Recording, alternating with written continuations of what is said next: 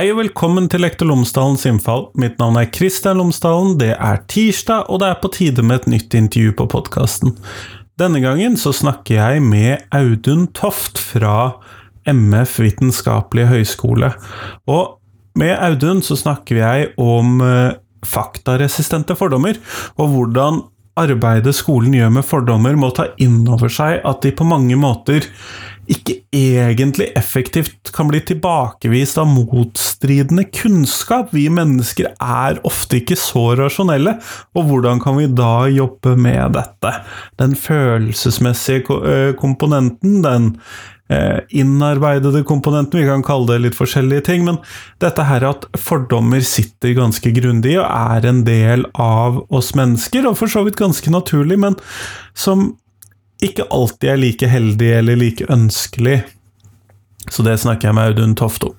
Eller så er det sånn at denne podkasten er sponset av Fagbokforlaget, og Fagbokforlaget utgir bøker og digitale læremidler for hele utdanningsløpet, fra barnehage til høyere utdanning og profesjonsstudier, og i tillegg for norsk for minoritetsspråklige. Og Fagbokforlaget har i det siste gitt ut en bok for høyere utdanning om betydningen av å møtes, og ingenting har vel understreket dette mer enn koronapandemien. Eh, men perspektivene på det kan jo være interessant å lese. Så hvis du går inn på fagbokforlaget.no, så finner du læremidler og bøker og fagbøker osv. for det aller, aller meste. Så gå inn der, og så sjekk det ut. Eh, nå kommer intervjuet med Audun. Vær så god.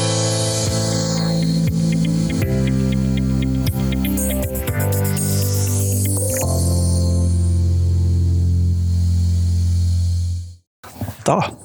Audun Toft, tusen takk for at du har tatt deg tid til meg i dag. Det var veldig hyggelig. Før vi kommer sånn ordentlig i gang, så hadde jeg håpet at du kunne fortelle lytterne mine tre ting om deg selv, sånn at de kan få bli litt bedre kjent med deg. Skal vi se. Tre ting. Jeg er utdannet som religionsviter. Egentlig på manuskriptforskning og gamle senantikke tenkere. Det er ikke helt det du arbeider med i dag. Nei, det er vel litt begrenset relevans sånn i det store og det hele. For det andre er jeg født og oppvokst på Sørlandet, men prøver tydeligvis å skjule det så godt jeg kan i dialekten. Og for det tredje så har jeg en tendens til å bruke fritiden min på lyd og musikk. Det høres kjent ut. Yes. du har skrevet en artikkel i en antologi, og ditt kapittel det heter Faktaresistente fordommer. Og det syns jeg må være et glimrende utgangspunkt for denne episoden. Og da hva er det du mener med faktaresistente fordommer i denne sammenhengen? Jo, det har egentlig sitt utspring i at jeg har vært ute i skolen og studert, uh, studert religionsundervisning uh, i videregående skole.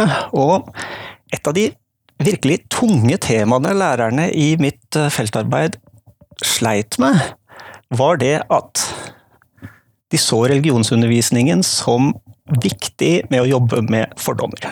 Det vil si at man la opp undervisning til aktivt å jobbe med å bygge ned fordommer, gi nyansert kunnskap der man opplevde at elevene hadde fordommer knyttet til, ja, til religion, etnisitet, til forskjellige grupper. Nå opplevde de samtidig at uansett hvor mye de jobbet med det, så hjalp det egentlig ikke. Jeg snakket mye med lærere som sa at dette er jo det viktigste, og jeg elsker å jobbe med fordommer. Så spør jeg ja, føler du at det virker? Nei, egentlig ikke. men, men, hva mener vi med fordommer i denne sammenhengen? For jeg har forstått at det er litt forskjellige måter å forstå det på.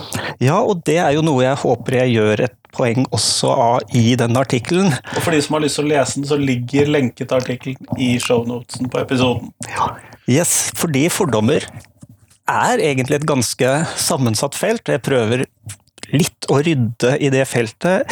Jeg tenker at fordommer, det er knyttet til at vi gjør hva skal vi si, generaliseringer om folk. Altså vi tillegger folk en type egenskaper basert på en gruppe de tilhører. Det gjør vi i mange sammenhenger. Og det som da skiller seg ut når vi snakker om fordommer, iallfall sånn hverdagslig, er at det veldig ofte er negative generaliseringer. Ja, De positive de kaller vi ikke fordommer. Det er veldig sjelden. Det er noen forskere som gjør det også. Eh, men det er ikke det vi snakker om når vi sier at vi skal jobbe mot fordommer i skolen.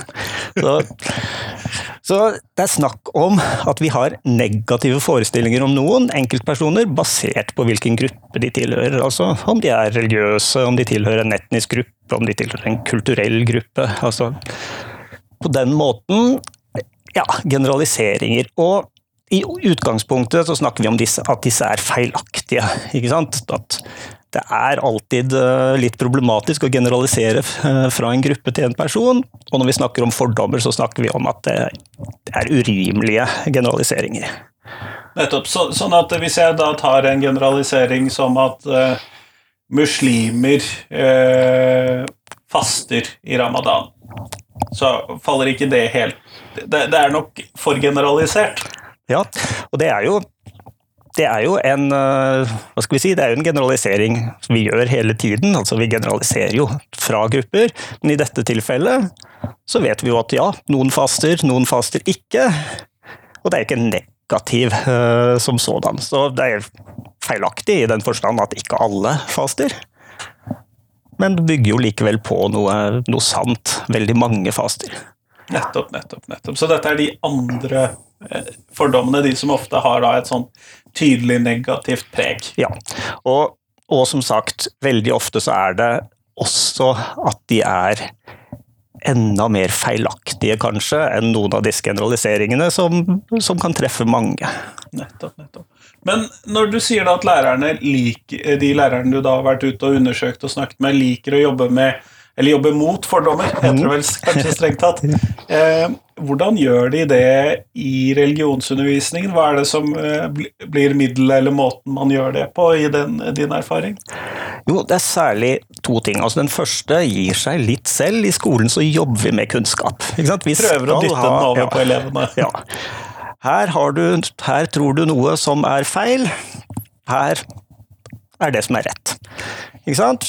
Ikke nødvendigvis så unyansert, men man tenker at man kan jobbe mot fordommer med å fortelle at nei, bildet er mer nyansert enn som så. Her er en rekke kunnskapselementer som dere må kunne. Det er den første.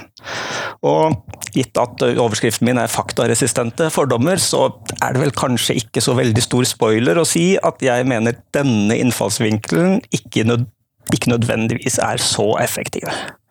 Eh, jeg kan selvfølgelig si noe om hvorfor. Ja, og det, vil, det var mitt neste spørsmål. Hvorfor funker ikke dette? Nei, fordi nå er ikke vi mennesker kjent for å være programmert for å endre mening veldig lett. Det er Nå får vi måte... ha vår mening, og den står. Ja, det, dette vet vi, og det er gjort utrolig mye forskning på. Altså, hva er det som får oss til å endre mening? Og det er lite, i veldig liten grad at vi møter ny kunnskap. Eh, kunnskap er vel og bra, men det ser ikke ut til å være ekstremt effektivt når det kommer til at jeg skal endre en mening som er min. Hvis du kommer og forteller meg at jeg tar feil, så vil jeg sannsynligvis tenke at eh, ok, da må jeg komme opp på en bedre måte og forklare at jeg har rett. Jeg ser veldig nå for meg denne tegneseriestripa med 'noen tar feil på internett', så jeg kan ikke gå og legge meg. sant, sant. Den er god. Ja. Ja. Uh, og så dette er en strategi. Man sier at uh, her er det en feilaktig generalisering. altså for eksempel, Et eksempel som ofte kommer opp, jeg har sett mye på islam, og islam er veldig ofte den religiøse gruppa som er mest forbundet med negative generaliseringer for tiden. Altså, når jeg spør lærere om hva slags fordommer de jobber med, så er de gjerne knyttet til islam og muslimer.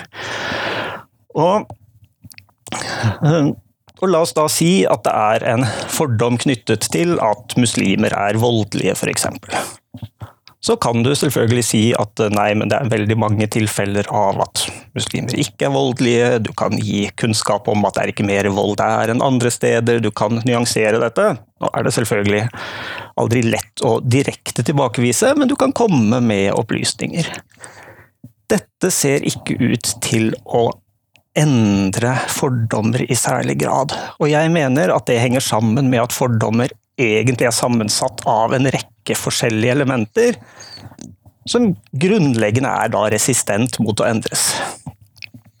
Og vi vet jo det at mennesker sjelden endrer mening i debatter, og vi har, vi har vanskelig vi kan i hvert fall veldig sjelden se at mennesker endrer mening on the fly når de får motstridende informasjon. Mm. Ja, og det ser ut til å være helt grunnleggende uh, når det gjelder dette. Og jeg mener at det henger sammen med to elementer. Kanskje det sterkeste er at våre meninger, og særlig også når det er sånne faste meninger, uh, altså meninger der vi generaliserer, de henger veldig ofte sammen med en type følelse. En ting er at en mening så lenge det er min mening, så har jeg allerede en tilknytning til den. Det vil jo si at hvis du utfordrer min mening, så utfordrer du meg. Du tar feil. Du har noe ved deg, særlig når du gjør dette til, knyttet til fordommer, noe negativt. Du har en ja, du har en kjip mening, eh, og det reflekterer tilbake på deg. Så vi har jo en ganske sterk følelsesmessig komponent her. Og det har vi jo sett i en del forskning, at den letteste måten å få noen til å endre mening, er jo at det er en sak de ikke bryr seg om. Da er det lett å endre mening. Ja, for da er du ikke investert i Nei, det på noen måte? Du er ikke investert, og du har ikke den sårbarheten ved at om noen utfordrer den, så at det reflekterer tilbake på deg og din personlighet.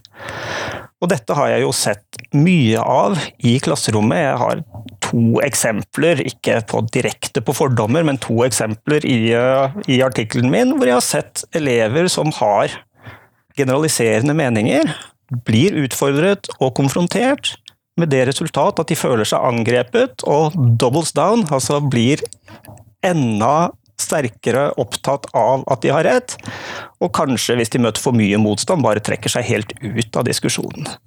Så at det er en sterk følelsesmessig eh, komponent når det kommer til dette med fordommer. Det gjelder mange meninger, men kanskje da enda tydeligere når det gjelder fordommer, iallfall det vi ser på som uttalte fordommer. Nettopp som jeg sier, fordi at du da også blir satt i et dårlig lys som person. Kan det rett og slett være at vi mennesker er for dårlige til å skille mellom hva skal vi kalle det, kunnskapene våre, eventuelt mangel på kunnskapene våre, eh, og oss selv? Jeg tror jo det ligger der ganske ja, ganske grunnleggende i det hele tatt i hvordan vi har meninger, hvordan vi utvikler meninger. For de er jo alltid en hva skal vi si, De reflekterer jo alltid tilbake på hva vi tenker om ting. altså Det er jo en personlig element. sånn at ja, du kan si at vi skiller for dårlig mellom det, men er det egentlig helt mulig eh, å skille mellom dine egne hva skal vi si, meninger i saker og deg selv? Vi ønsker jo det, men jeg tror det er vanskelig. Det ville gjort kritisk tenkning som skoletema veldig mye enklere. Helt klart. Helt klart.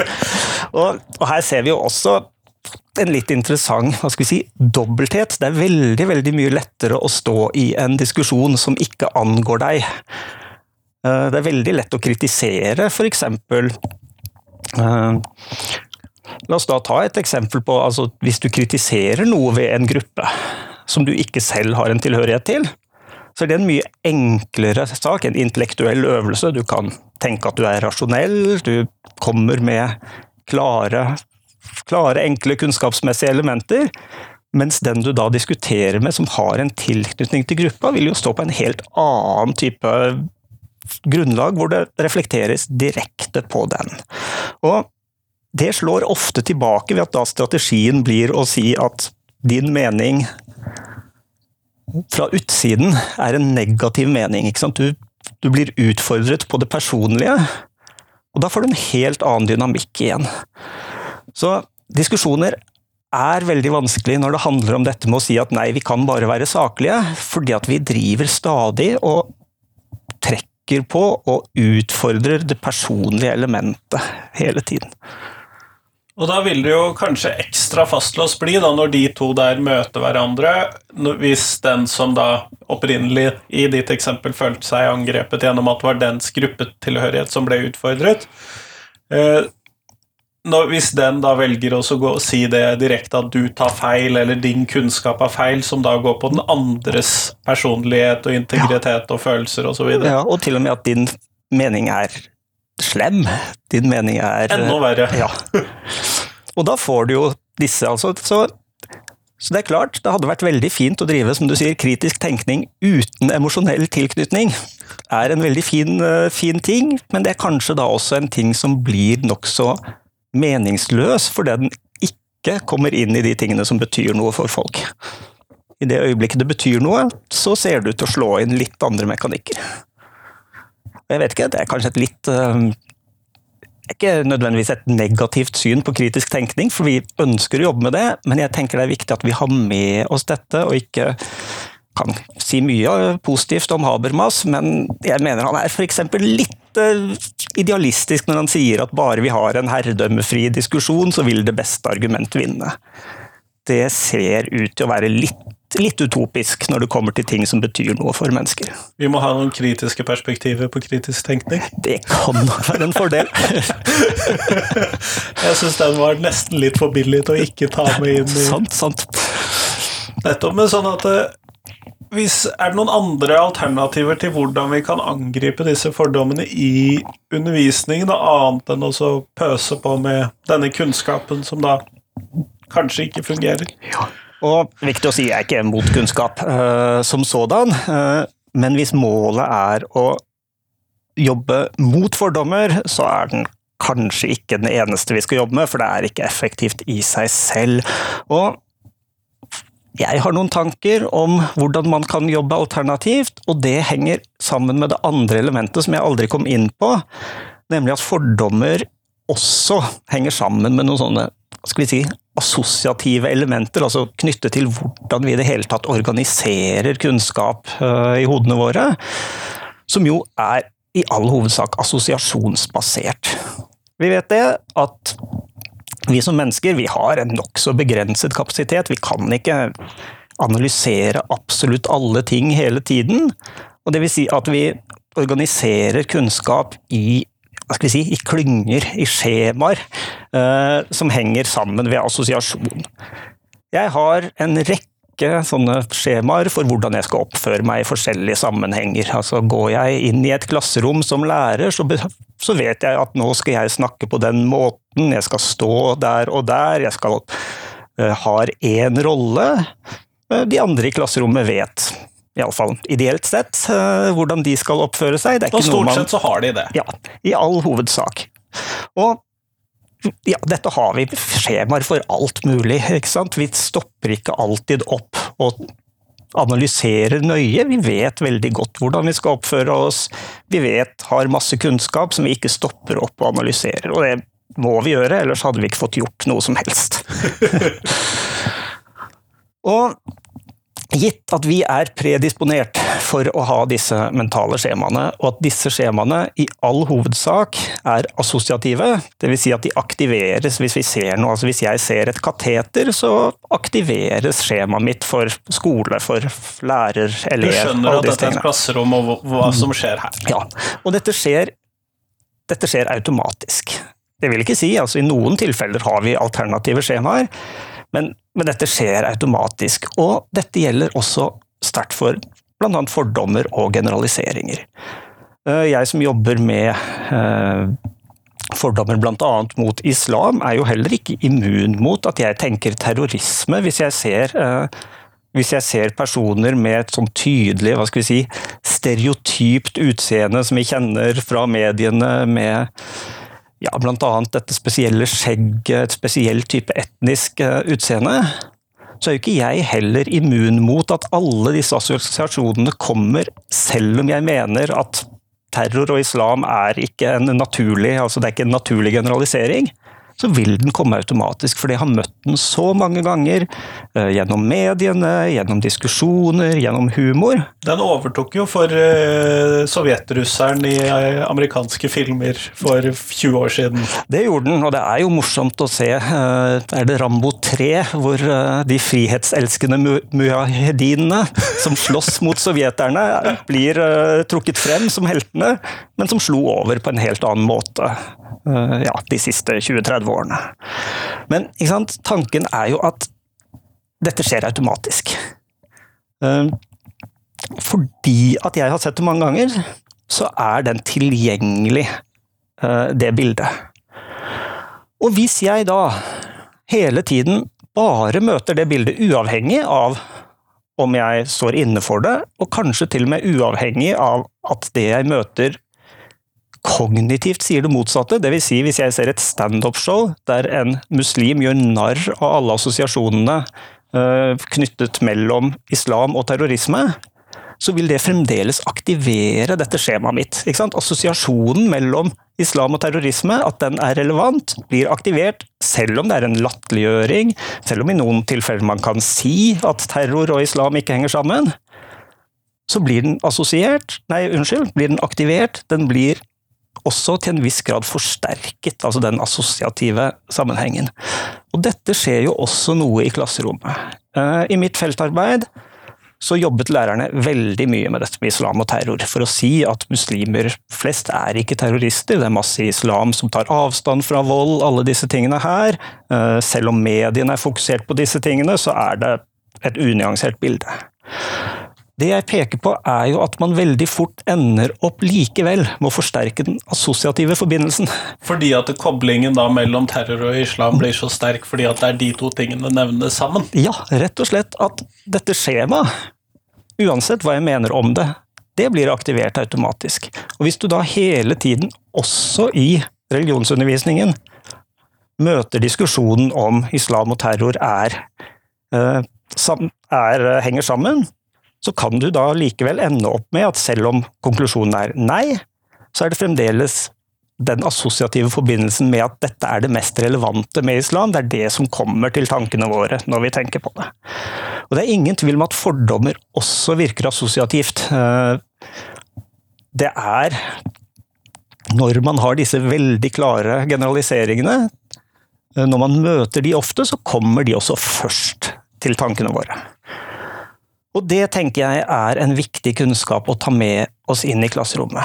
Jeg tenker det er lurt å jobbe også og si at disse tingene er feil, men alternativet er å etablere flere skjemaer og flere assosiative forbindelser. Så jobbe med andre sider av islam, da, for eksempel? Ja, for eksempel. Og det vet vi dessverre at uh, det veldig ofte ikke gjøres, fordi at man er veldig opptatt av disse konfliktperspektivene. Men det å jobbe med å kunne se vanlige muslimers praksis, kunne møte andre bilder. For det handler om at du har flere skjemaer tilgjengelig. Og hvis du har flere skjemaer tilgjengelig, så vil du være mer troende til å kunne bruke et annet et der du, når du vet om det, enn å bruke bare det ene. Så jeg tenker det er en viktig del. Ja, jobb med å nyansere, men sørg for at elevene faktisk møter uh, ulike måter å være muslim på, ulike situasjoner. Uh, det handler jo også om mer kunnskap, altså få andre Altså få et repertoar, et reservoar av andre måter å tenke om muslimer på. Nettopp. Dette her vil jo da kunne også gjelde f.eks. hvis vi ser på kristendomsundervisningen. Fordi at en av de tingene som eh, jeg hører veldig ofte når jeg snakker med eh, elever, religionslærere, religionsstudenter, er jo dette her kristendom. Da snakker man om luthersk kristendom. Og så mm. snakker man om katolikkene og de ortodokse sånn på kanten av det. Ja. Og ikke frikirkelig mm. kristendom eller For alle de tingene. Og det, hvis man da jobber med nettopp det bildet, så vil det jo være kristendom, den ordentlige kristendommen, det er den der lutherske statsreligionen. Mm, ja. Og så har du alle de andre som går under andre navn. Det vil jo på mange måter være litt av det samme, vil det ikke det? Jo, jeg tenker det. At, uh, at veldig fort gjort i det øyeblikket man nettopp forholder seg til én sånn stor kategori, så vil du også forsterke at det er det elevene tenker på. Uh, når man snakker om kristendom, så vil man tenke på f.eks. Ja, den evangeliske norske kirke, lutherske evangeliske norske kirke, og ikke på det store antallet av andre varianter. Så det er kirken og ikke den verdensvide kirke? Oh yeah. og, og, det er jo også for så vidt interessant uh, å se på. Du sier, som du sier, man jobber med den katolske kirke og den ortodokse kirke og den slags, men det er nok ingen tvil om at det er den norske kristendommen som står for veldig mange elever som sann kristendom, nettopp fordi at det er den man har jobbet med uh, igjen og igjen og igjen. Ja. Og at dette er et minoritetsperspektiv på internasjonal kristendom, det tror jeg ikke jeg oppdaget før jeg kom litt ut i bachelorutdanning i religion. Nei, og det er jo hvor spesiell den norske varianten er. Den er jo veldig marginal, sånn i den store sammenhengen. Men jeg ville jo tro at disse her bildene, disse mønstrene, som, skjemaene som du snakker om, eh, de er jo ganske gjeldende for veldig mye av det vi jobber med i skolen, sånn trukket ut fra religionsfaget også? Ja, jeg tror dette er noen grunnleggende hva skal vi si, menneskelige egenskaper som vi må ta med oss inn i undervisningen. Så jeg tror ikke det er spesifikt når det kommer til religionsfaget.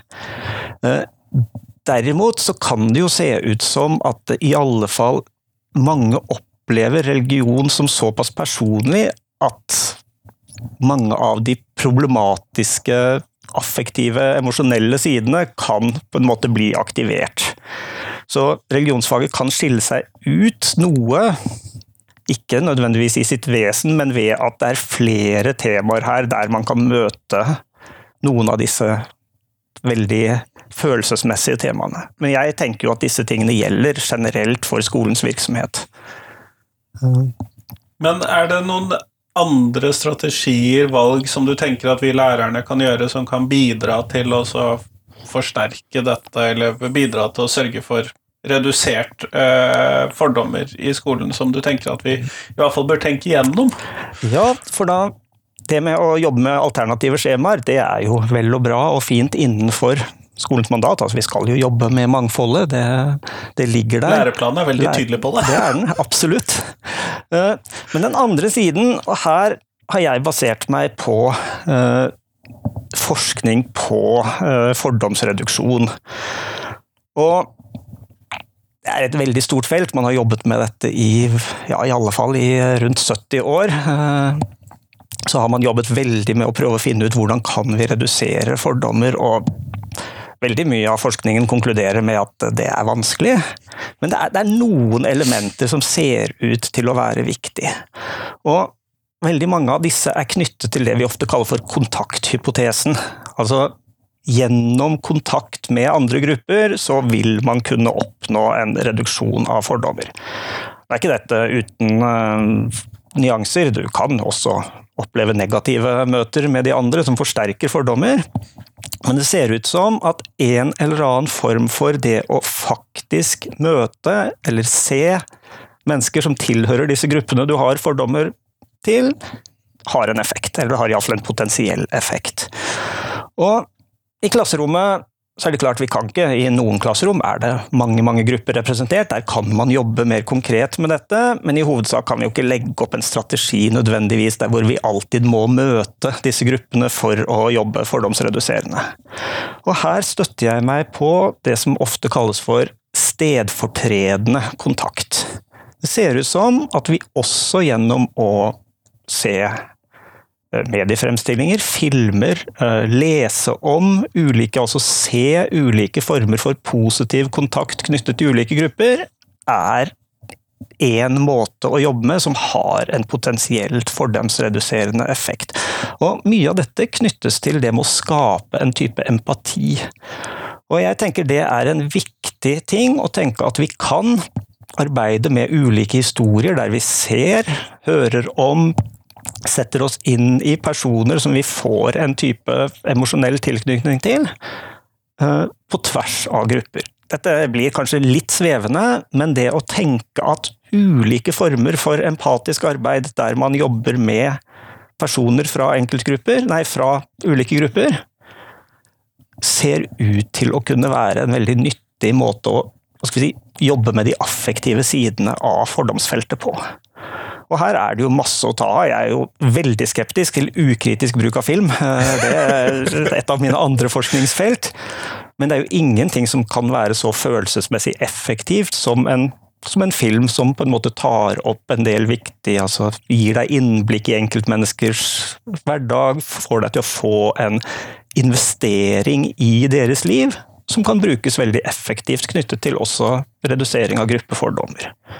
Eh, fortellinger bøker. Eh, ja, Men der hvor vi får en større emosjonell dybde knyttet til enkeltrepresentanter for disse gruppene, da, som, mm. som, viser noe annet enn den stereotypen eller fordommen vi ønsker å bekjempe. Mm. Ja. For Det ville jo være litt dumt å velge en film om eh, 9-11 f.eks. For, eksempel, for Ja. å redusere islamterrorismeknytningen. Ja, og man må tenke litt gjennom. altså Det er jo filmer som, der du ser f.eks. enkeltmuslimers liv, men som likevel på en måte hva skal vi si, Konflikten deres er mot islam som sådan, sånn at man kan ende opp Jeg har sett bl.a. en veldig god film som heter Den grønne sykkelen. eh, Ja, den brukt, husker jeg. Ja, brukt mye undervisning, der, eh, der man følger en ung, ung jentes liv i Iran, hvis jeg ikke husker helt feil. Ja, en av disse landene nedi der, i Ja. hvert fall. Eh, Men der denne personens konflikt er jo nettopp med det muslimske styret, så der, det vil jo kanskje ikke være det aller mest effektive hvis tanken er å nødvendigvis utfordre islam som sådan. Det er fremdeles en flott film med en investering som får fram mye, men det er klart, valget har veldig mye å si her. Og jeg tenker, Dette er jo heller ikke noe man bruker alene, men det er en måte å iallfall få jobbet med det med å skape positive følelser, for det er jo de negative følelsene som er det problematiske med fordommer. Så jeg gir det ikke som noen universalløsning, men jeg tenker at vi som didaktiker må tenke at vi har her et ganske stort arsenal av måter å jobbe med. Og effektiv fordomsredusering skjer med å bruke flere av disse metodikkene, i stedet for å bare tenke at kunnskap vil slå i hjel eh, misoppfatninger. Nettopp, nettopp. Så eh, her tenker jeg jo også, hvis vi skulle tatt fra et annet vinkel, så ville jo da filmen 'Disko' for å redusere fordommer mot eh, konservative eller strenge kristne, f.eks., vil jo kanskje heller ikke være helt heldig. Nei, helt klart. Og det, det, det, ligger, det ligger en del ting her, og det er klart den, den kjente Veldig mange mediefremstillinger, med rette, har jo et individualistisk perspektiv der nettopp den, den troende som bruker troen sin på en måte individuelt, uh, som en ressurs i sitt liv, fremstilles i- Oppimot noen andre. ja, i positivt lys mot disse litt kjipingene som skal styre, uh, styre valgene, Uh, redusere det individuelle rommet. Det er nok en av de mest fremtredende mediefremstillingene for tiden. Og den har mye for seg, men kanskje ikke for å redusere fordommer om kristendom, f.eks. i dette tilfellet. Nettopp. Eh, Det gjør det jo litt mer komplisert å velge ut filmer, for som du sier, det har jo veldig ofte dette perspektivet. Ja, og ja, jeg vil si at det er et dominerende perspektiv, dette med at, uh, dette med at særlig kollektiv eller kollektivistisk religion der som har en type der kont ja, kontroll, eller iallfall som har en konsekvens for hvordan man skal oppføre seg, eh, hva, man, ja, hva man skal gjøre, det kommer sjelden frem i positivt lys i, i mediene. Det, det skal vi ikke legge skjul på. Nettopp. Sånn at det er en viss varsomhet, og hvis man bor på riktige steder, så kan det jo kanskje være at du kan hente inn denne personen utenfra inn i klasserommet som et slags skolebesøk, istedenfor å velge film, f.eks. Og det tenker jeg absolutt. Og det er jo det med å faktisk møte noen. eh, gjennom ekskursjoner eller gjennom å hente folk inn i klasserommet, har jeg også veldig troen på. Altså Møte med enkeltpersonene det gir en investering, det gir alternative skjemaer, og tenker jeg er en god berikelse for religionsfaget. Nå går vi mot slutten av intervjuet, Audun, og da skal jeg stille deg det spørsmålet som jeg stiller til alle jeg intervjuer. Og hva er de tre viktigste tingene som skolen lærer elevene? Eh, De tre viktigste tingene er for det første at det finnes utrolig mye spennende der ute. Eh, En type, ja, en type åpning opp for at det er så mye morsomt å sette seg inn i i verden, tror jeg kanskje er det absolutt viktigste. Nummer to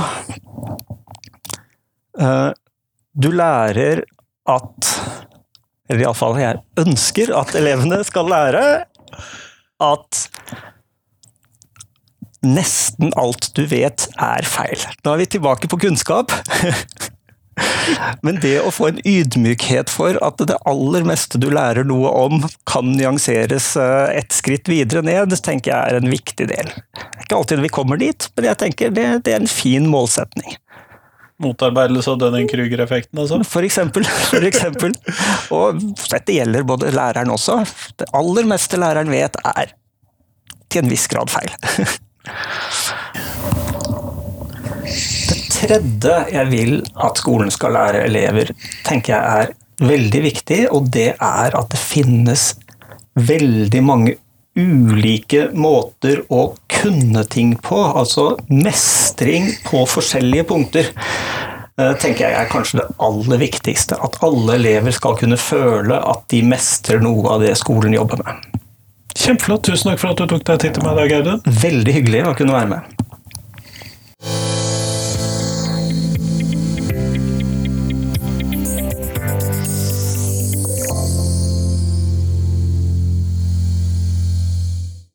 Tusen takk til Audun, og tusen takk til deg som hørte på.